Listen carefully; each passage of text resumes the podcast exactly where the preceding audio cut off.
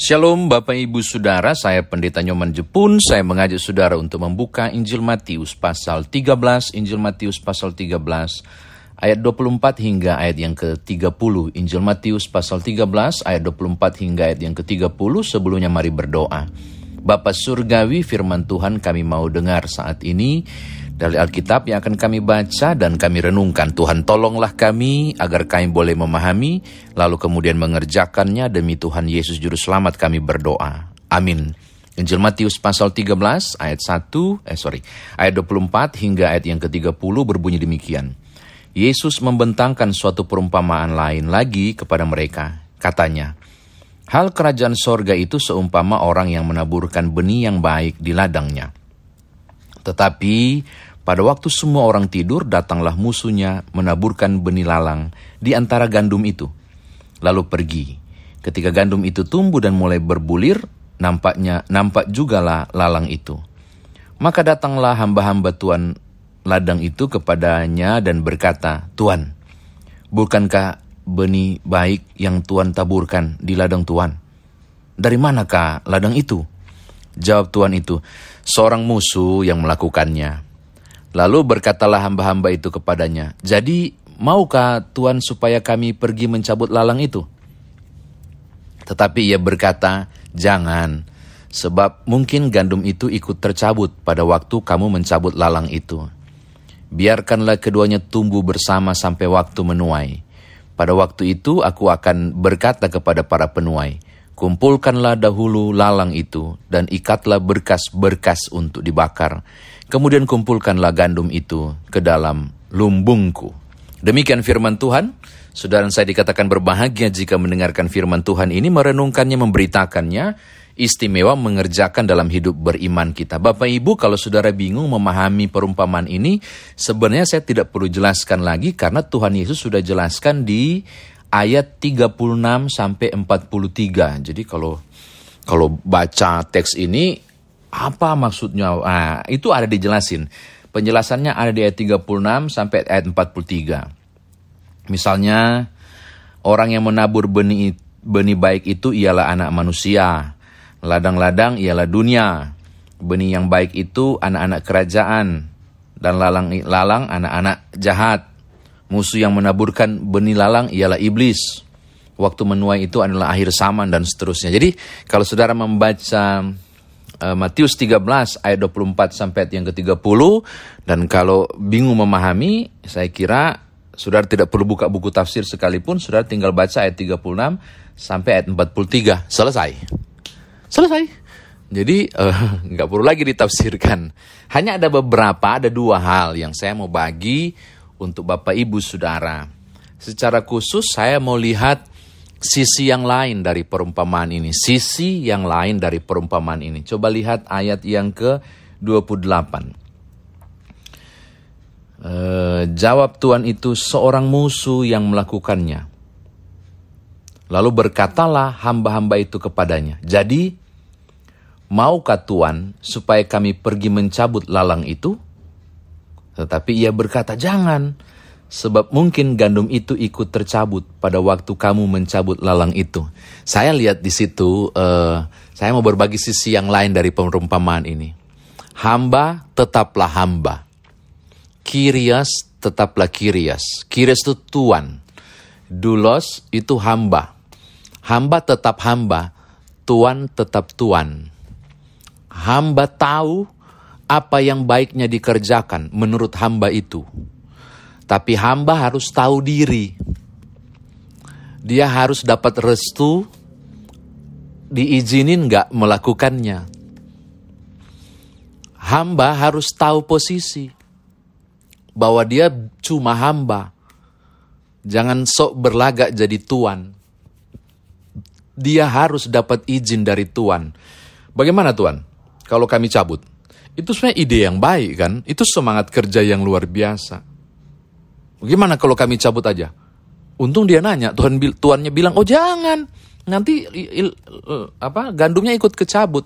Ini yang sisi yang mau saya katakan kepada saudara, adalah sangat penting, adalah sangat penting untuk tahu posisi.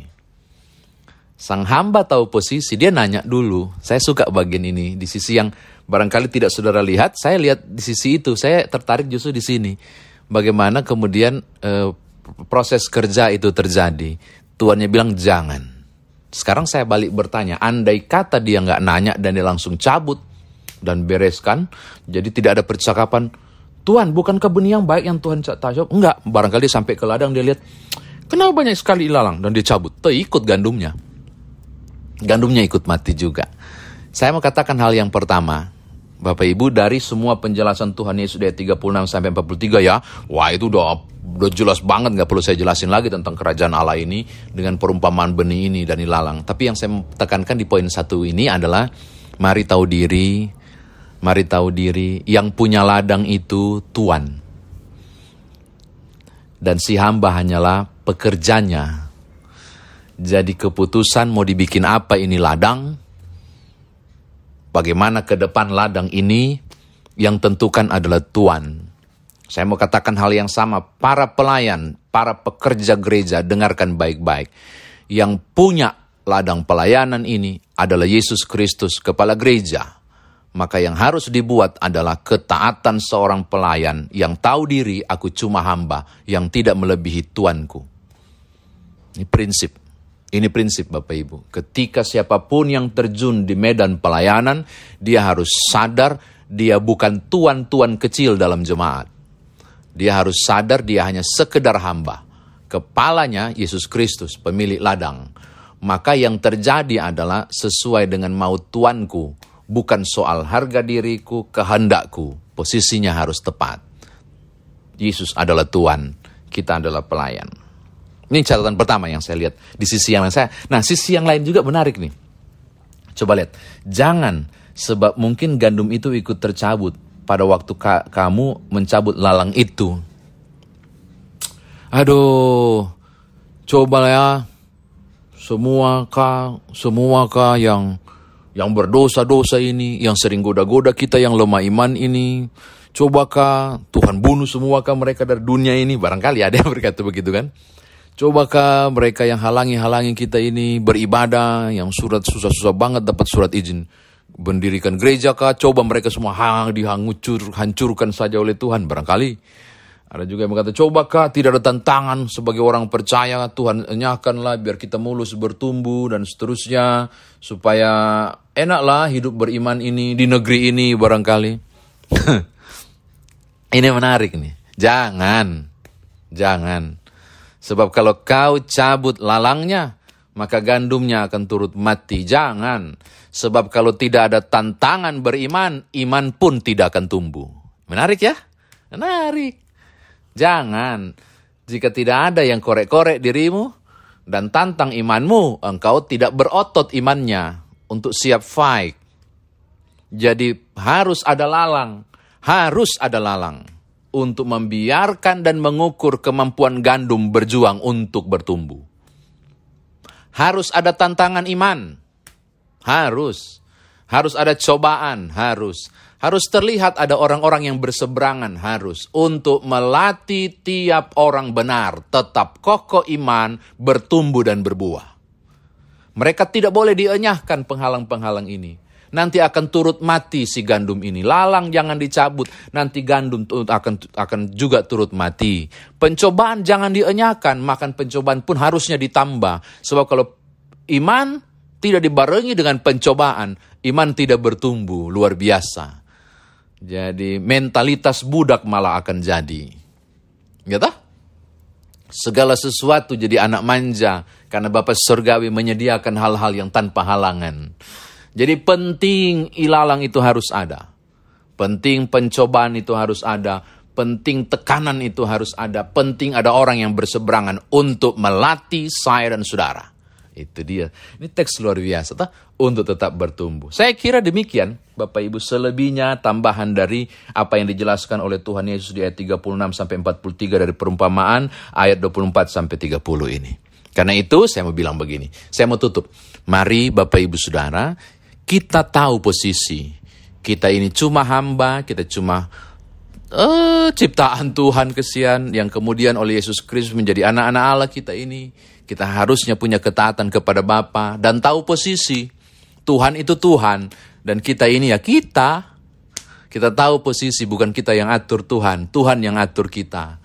Si para hamba tahu diri nanya dulu kita cabut atau enggak Tuhan? Enggak usah, oke okay, enggak, enggak dicabut. Hal kedua yang saya katakan penting sekali ketika saudara ada hambatan, Saudara ada tantangan, saudara ada persoalan hidup, saudara ada pergumulan, saudara ada berbagai hal. Saudara tidak perlu berkata, mengapa ada persoalan hidupku? Iya. Mengapa ada tantangan Tuhan?